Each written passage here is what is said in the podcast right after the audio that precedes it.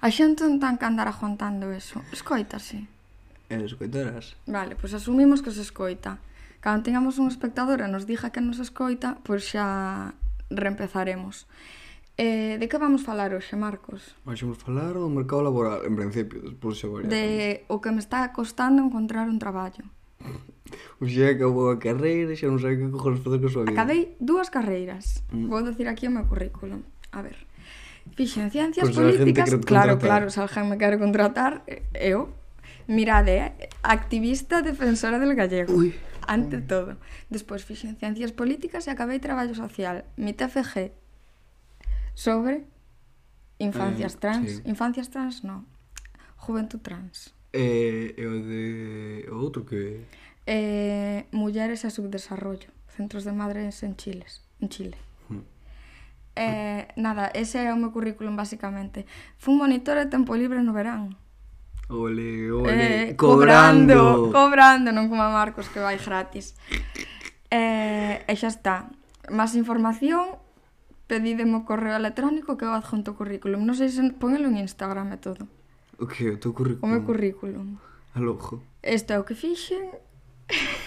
non me quereredes pago a mellor funciona, nunca se sabe.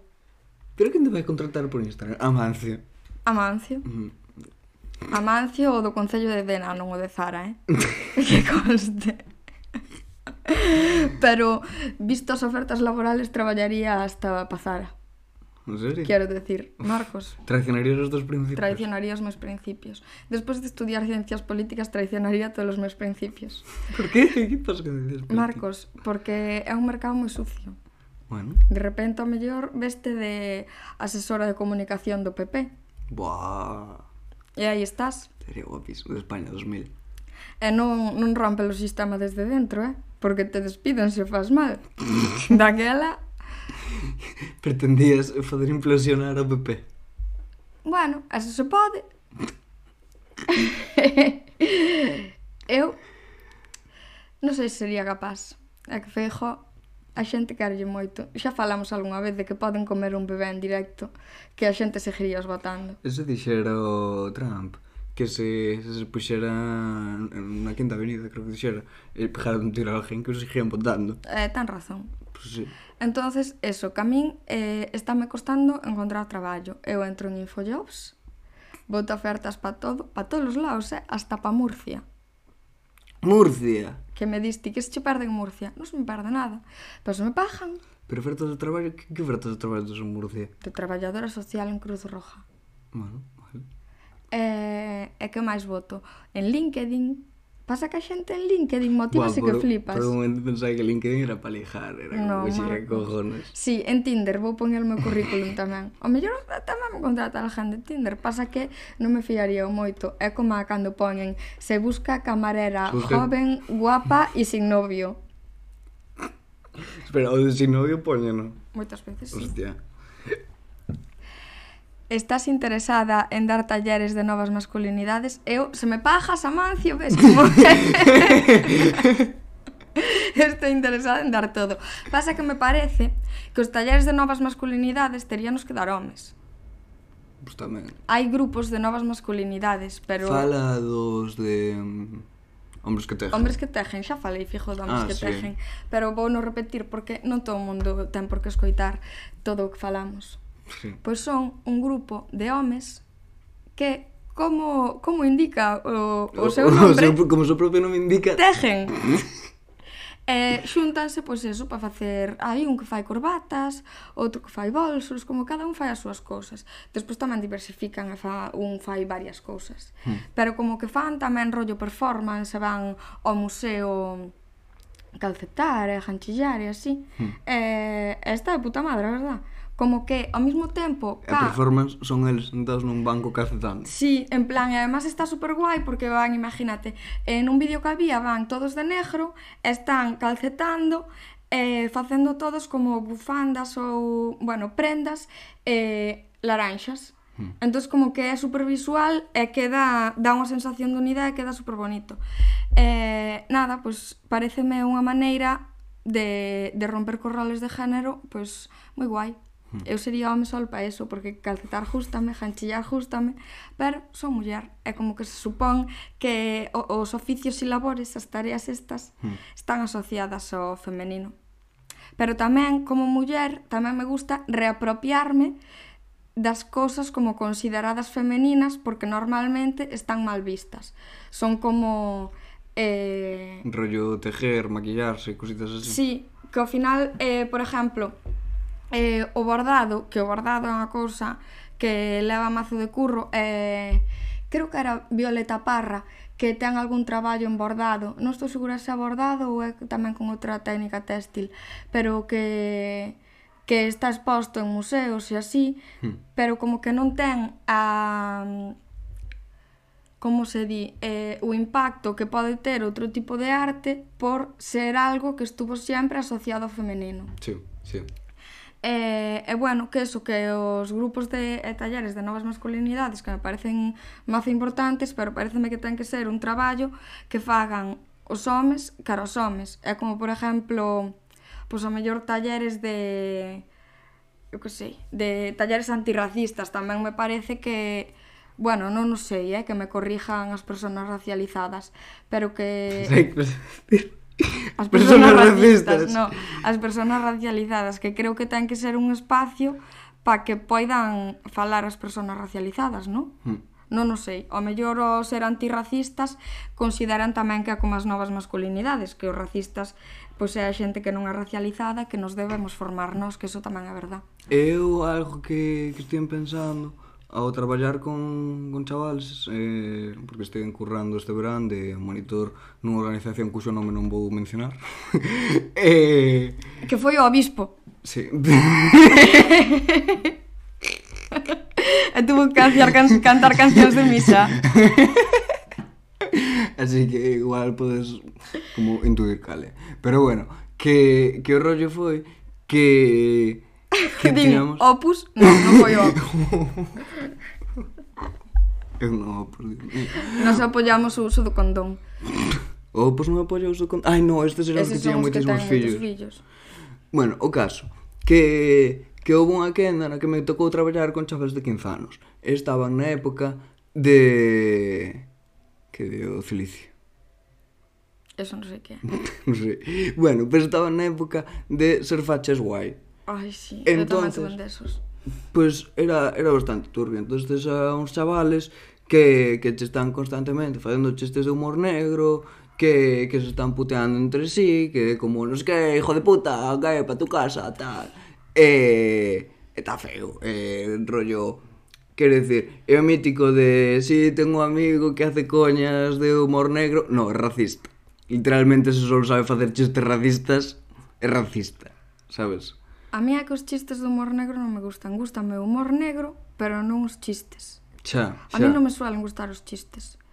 Sabes, a ti conteixo que... Eh, a ver, cando as monitor mintese moito.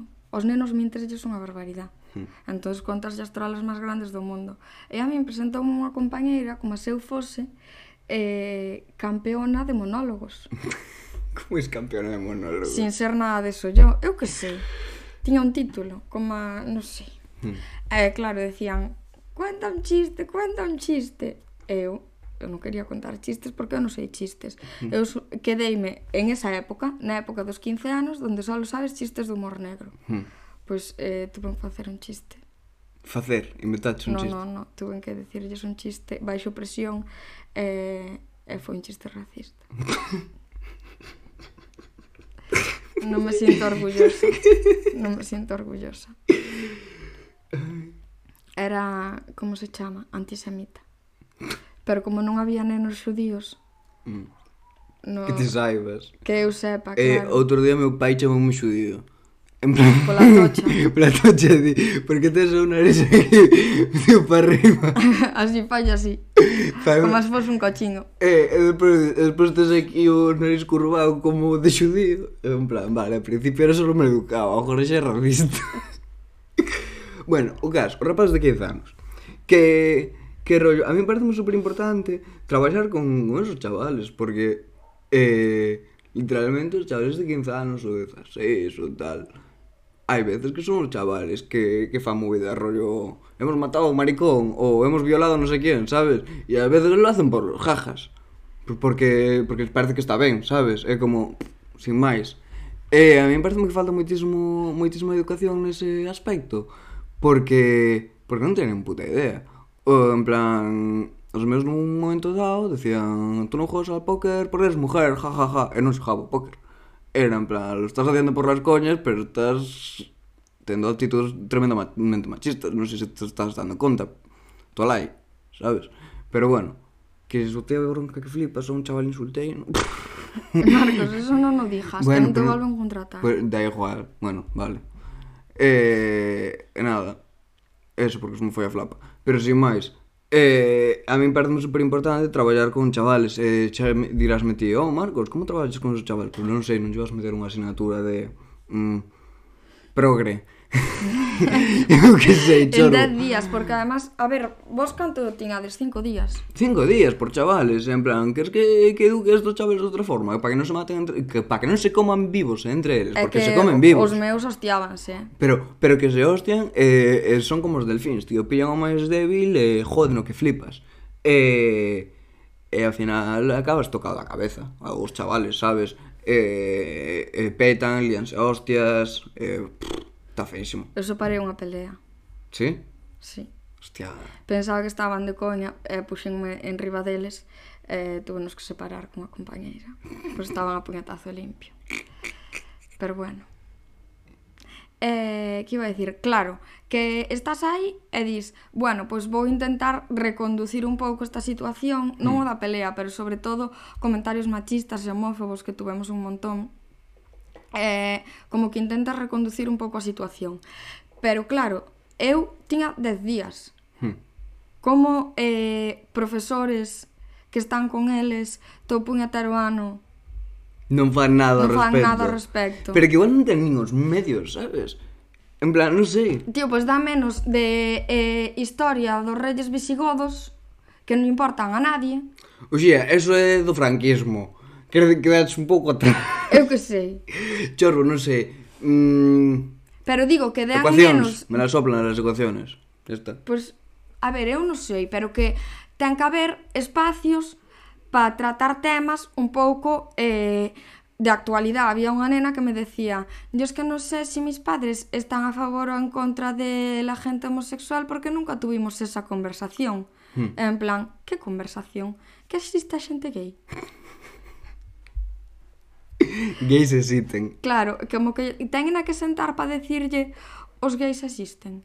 Sí. A ver, un profesor también tiene 50 minutos al día y tiene que dar un temario. Tú en un campamento no tienes temario. Sí. É verdad. É verdad. Non, bueno, non tengo temario, pero tengo 10 días. Xa, xa. Eu prefiero que recortes algo de temario e que eduques esos nenos a que a que vayan a monte. Sí.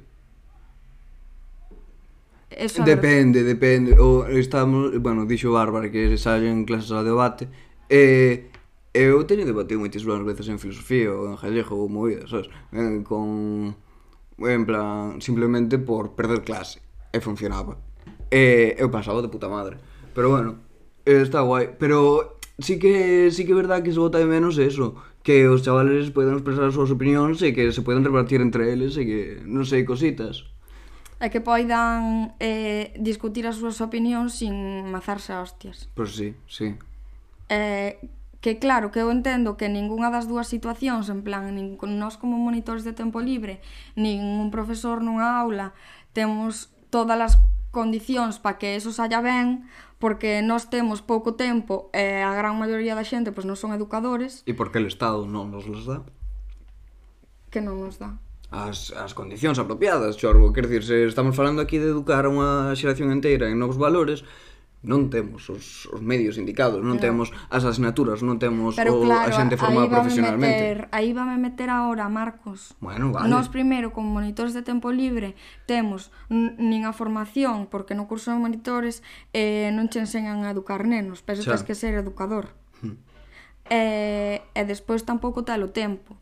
Hmm si tes un espacio como máis informal eh, es unha figura que non é tanto de autoridade que ao final o que estás facendo é xogar con eles eh, pasas moito tempo con eles e así mm. entonces sí que se poden abrir en según que cousas que ao mellor na escola non fan, sabes? Mm porque hai máis distancia eh, de edad, non ven as persoas como non ven os profesores como pares, pero despois tamén eu creo que se queres nunha nun ámbito académico educar un pouco máis aos chavales ao mellor non se trata de que ti eh, o sea, de que o neno saque esos temas senón de que ti como profesor saques esos temas sí. e dese espacio ese debate hmm. non sei eu creo que nunca se dou o temario 100% polo menos nas miñas clases en plan, nalgúnas asignaturas supoño que sí, pero que tampouco imagínate en bachiller e así que vas prepararte para a selectividade, vale, pero despois Xa, xa, xa, xa. Pois non sei, como que me parece que nada é tan importante. No, que realmente no. Quer dizer, eh, a min a educación secundaria, a bachiller, soplama moitísimo, pero moitísimo. En plan, parece que non aprendi un puto cagado a parte de eh, disciplina. E ya, sabes? Eh, ni sequera aprendes disciplina. Porque... Porque te enfadas, ao final enfadaste co sistema e eh, buscas levar a contraria. Sí, eh, non, non sei, a min realmente non me serviu demasiado. Que, que aprendí literatura, aprendí cosas guapas, aprendí cultura, sí, pero a maior parte do, do que sei porque me formei eu, e ya, sabes? Porque busquei información, porque, porque hago mis cosas. E claro, que aprendí un montón na clase, non che digo que non, pero joder, que tes uns conhecementos básicos, eh, non sei, non me, non me mola demasiado.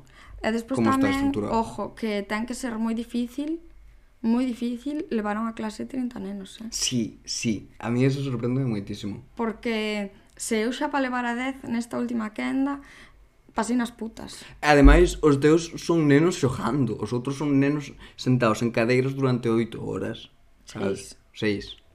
Pero eh, eso, se xa xojando, son por culeros, porque son por culeros. Eh, en clase, eu eh, eterno respeto e admiración tamén entendo que eh, eh, son as como as condicións que, que temos a que hai que sobrevivir con eso. Pero como che toca unha clase jodida, eu de verdad que entendín que haxa tanto tanto índice de depresión en profesores. Hmm, hmm. non me extraña. Toca unha clase que che quere facer a vida imposible, jodte. Eh. Hmm. a nosos pasamos con un profesor que chamábamos o rápido, que puteábamos moitísimo. Marcos.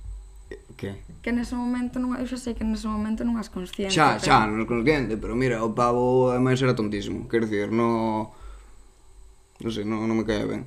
Eh, eh, dábamos física e estábamos todo día liando a parda. E o pavo debía de acabar jodido. pero bueno. Pobre. Xa. Pois eso, que... Ai, e despois tamén puntualizar no dos campamentos. Eh, eu, sabes que unha nena me dixo Mira, me podes hablar castellano? Unha nena. Unha nena? Unha nena. Eu dixenlle, no. que, que lle iba a decir? No. E faime, ah, dime, es que en mi pueblo no se habla, no se habla gallego. E dixolle, nena, alojo tío, onde es? E dime, de Carballo.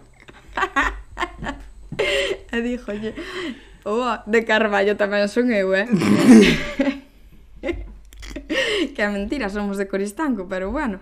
E digo, Jollo de Carballo tamén son eu, eu non vin máis sitio onde falase gallego can Carballo, que eu son de Oleiros, corazón, que en Oleiros falamos gallego, mi irmán máis eu. Sabes, es que en mi pueblo nos habla castellano, manda carallo, que nos... o sea, en mi pueblo nos habla gallego, eh? bueno. Despois xa xa pasou polo aro, pero eu non sei como en en que dereito te crees para decirme a min que cambie de idioma? A ver, que te, é unha chavala de 12 anos, sabes? Pero dame igual, en plan, ti con 12 anos pedías ya a nadie que che falase en gallego. Xa, xa, xa, non. Como que unha persona que fala gallego creo que non lle vai dicir a outra en plan, mira, podesme falar en gallego. Pero estás... Salvo que estés na administración, En plan, se estás na administración pública te están atendendo, pois pues, ao mellor eh, a persona que está atendendo ao público eh, en nun centro médico, pois xa ten o deber de falarche, de responderche en gallego. Pero pero sí que é certo a movida de que o de decir falmo en gallego, eu, a mí eso non me pasaría pola cabeza na puta vida. No, e digo, eu tengo dereito a que me atendan en gallego, eh? eu sei, no, pero se mm. me fala en castellano, buf, a min costame dicirlle a unha persona que cambie de idioma. Pero non lles costa nada pedirme a min que lles fale castellano. Xa, xa, xa, xa. É, é, é como... Pero cante crees que és ti? A mí o que me, o que me pasou con chavales que xa me preguntaron un, un par de veces era, por que hablas gallego? Porque me penta. Chavales, ah. sí, e tú por que hablas gallego? E ti por que falas castellano? Eh, e dicían, ah, pois pues non sei, bueno, pois pues é igual. é que... Eu de verdad que quedei tonta, eh? E despois tamén, isto non decir porque me da igual, que unha unha compañeira que me di que me di nunha charla sobre eh, homofobia e feminismo con 100 nenos a 20 monitores. Bueno, Mira, o charla que te montaches ti, non? Quer dizer, era eras ti votando No, era eh, eu máis outro chaval, en plan, levaba outro chaval. Non deas datos. Que datos vou dar? Bueno, que sei. non fagas comentarios, ti deixan falar a mí. Bueno, vale. que, que me di, mira, poderías hablar castellano, que non te estou entendiendo e dixen, estamos nun campamento da Xunta de Galicia, en Galicia, non che vou falar castellano. Hmm. Pois chinouse toda, marchou. Bueno. E despois, eh, como que aínda me reñían a min, que como lle contaste así diante dos nenos. E eu dixo, pois que non me pregunte. que cara que lle conteste. Castellano lle vou falar. Que, que, a min pareceme que respondendo así tamén estou educando aos nenos. Despois din, es que non le respondiste bien, es que non sei que... Bueno, pois... Tan dos traballos. Tan dos traballos, enfadarse a desenfadarse. Eu castellano non lle iba a falar. Porque falando gallego tamén estou educando aos nenos. E preguntaban moito, eh? e tú por que hablas gallego? Hmm denantes mortos que castellanos, pois tamén, a que non podes hablar gallego? Meseteiros. Non, me podes hablar castellano? No. Xa, xa. Pero eh Boa, iba a dicir algo. No, non, non Ah, sí, eh, o noutros noutros sitios en plan, estive con con mallorquins eh, rollo como que cambia moitísimo de idioma do do do mallorquín ao ao. Ao castelán. En plan, non é que teñen como outro rollo totalmente distinto, non son monolingües. Non son monolingües, é eso, en plan, aquí se es gallego falante, es gallego falante. Ou bueno, hai moita xente que non, eh. Xa, xa, pero quero decir, a peña que realmente falan gallego, sí, sabes? Sí, falan gallego en todas partes. Sí, ¿sabes? sí, en plan, ti quero decir, todo o mundo é bilingüe, sabes? Todo o mundo sabe falar gallego, pero nin Cristo fala.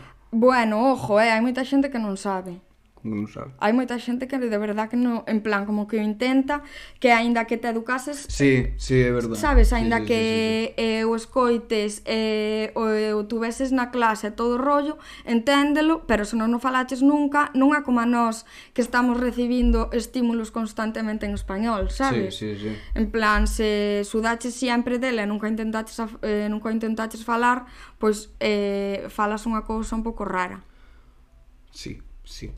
En plan, rollo de, de peña que se estén metido en neofalantes, que a tope cos neofalantes, eh, de a puta tope, madre. A tope. Pero o rollo tío chirría, sabes, porque coloca malos pronomes, di cousas. No, pero xa non estou falando de De eso. parexa e cousas por estilo ou como?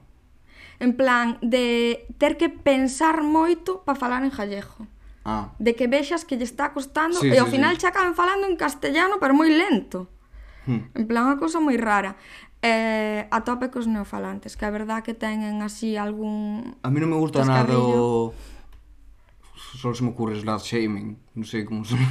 Sí, pero un neofalante shaming. neofalante shaming, chor, pero se está, se está falando e intentando, pois pues mira, está intentando se queres corregilo, pois pues mira, dixe, eh, non se di así, dixe así, e outro, vale, sin E problema. tamén con respeto sempre, porque é unha persona que está cambiando de idioma a un idioma non só minoritario, sino minorizado, e pareceme que hai como un trasfondo político detrás, é unha cousa que eu como persona galegofalante eh, agradezo un montón que cambien de idioma, como pa ainda por encima, ir, ir picar. Ai, agora que falas gallego, ai, é que o sí, dis mal. Sí, sí. Xa se van ter que enfrentar a situacións bastante complicadas como a pa... Como pa darles preocupa no en gallego, claro, claro que está intentando, né? E además, xente que fala gallego, é como, gracias por intentalo, xa está. Uh -huh, que sí, pode mal. ter errores, pois sí, e podes os corregir, sí, pero sempre desde o respeto, a educación e vendo que a persona non lle parece mal. Eu, eu algo que que teño como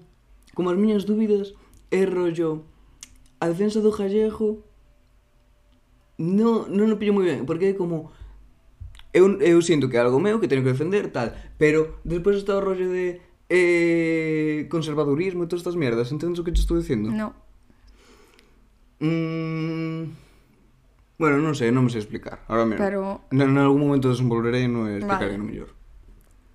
Pero conservadurismo en que sentido? En sentido eh, político de dereitas ou en sentido reafirmar a cultura eh, galega dende o enxebre a... Porque sí, deso tamén sí. hai moito, eh? Sí, chorbo, despois... Que é pois- como vinculalo sempre ao rural, vinculalo sempre á muiñeira, non sei que, que non sei é que eso, eso, que, eso que estou dicindo, non, non chorbo, non é que sechas facha, sabes? Pero é como, vale, estás vinculando Gallego a un tipo de cultura que realmente tampouco está moi... Sabes, un rollo a... As cabriñas, esas cosas por estilo, sabes? Chorbo, que... Que son as cabriñas? Cabras. Ah, vale, que lle pasa? Decir cabriñas? No, pero... Que pareces un anuncio de Gadis con patas, neno. Sí. Sabes?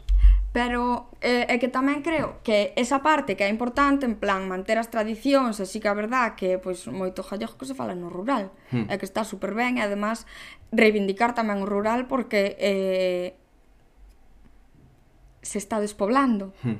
Eh, dache unha, é que claro, dache unha calidade de vida por unha parte que te acerca á naturaleza, pero por outra restache porque eh, non hai servicios, nin traballo. Tamén. Pero bueno, como que me parece que si é parte... espera, espera, pero é unha putada que flipas, non hai servicios nin traballo para Claro que sí, claro que si, sí, é unha putada. Que... Tío, pois pues eu quero ir para o rural. Eu quero ir para o rural porque quero ter a miña horta os meus animalitos. Non quero ter que vivir nunha ciudad como pode ser Madrid, que únicamente é un centro de traballo e explotación no que mm. vives nun piso de 20 metros cuadrados por 2.000 euros ao mes, que mm. estou exagerando todo, pero non me apetece e vas a un ritmo de vida super rápido e vives para traballar e a min eso non apetece. A min apeteceme ter a miña casiña, co meu xardín, cos meus animales e ter un traballiño. entón, o problema é que non hai traballo no rural. Pareceme algo moi interesante a concepción dos espazos como cidades dormitorio, por exemplo, sabes? Que son cidades para soar e despois ir para outra a traballar. Como, como... Oleiros Pois sí, sí, basicamente. Pero... Que para a xente que non sepa, Oleiros está ao lado da Coruña é a ciudad dormitorio da Coruña. Hmm. Bueno, o que che quería decir que está moi ben vincular o gallego a, a tradición e a cultura gallega e todo o rollo, pero que non se pode limitar a eso. Hmm. O problema é cando se limita, que se ten que reivindicar a cultura máis alá do idioma, efectivamente, porque hai moitas cousas de cultura que non, por exemplo, eh, eso, a música. Sí. Que hombre, que está de puta madre que sea en gallego, non? Pero eh, as, as muñeiras, o baile gallego, toda esa, toda esa historia. Que todo o mundo en plan que me conoce dime, ai, pero tú non bailas baile gallego. En plan, no, só falo gallego, sabes? es que eres tan gallega hai niveles. non sei, daronme medallita de un pin por ser por ser la máis gallega. Super guerreira galega. Claro, en plan, guerreira lúa aquí, sabes? E, e nada, eso, como que me parece que que non te podes centrar como en ai Galicia en xebre, ai morriña, ai toxo, sabes, en plan mo, movidas así como que vale, que está moi ben, pero que non o podes limitar a eso porque eh, o idioma vai moito máis alá deso, tamén o idioma é unha forma de identidade colectiva. Se seguimos sendo galegos e por obra e gracia de idioma. Castelao. Sí, non? Castelao, sí, sí, sí. É, é así. Eh, despois volvendo ao tema do mercado laboral, eh, quería, quería decir que non tenen puta idea de nada. De nada. En plan, rollo na escola non como que te enseñan aí a facer cositas, eu que sei, as asignaturas e toda a mierda. Pero estás como eh, X anos nun ambiente no que tens que ir todos os días, facer cousas aí, eh, que che mandan exactamente que vas por un carreiro, tal, non sei que, e despois cando acabas de tanto educación secundaria ou bachiller ou universidade ou que sexa, que en plan igual acabas antes. Vos estás a monte. Sí. Pois non sabes que cojones facer. Como cojones pides un traballo? Que che vai decir, Marcos? Levamos media hora. Paramos e seguimos falando desto. Vale, vale, por mí sí. Pois paro. Ala, eh, queridos tres espectadores, imos parar este momento e volvemos en breves. Agur.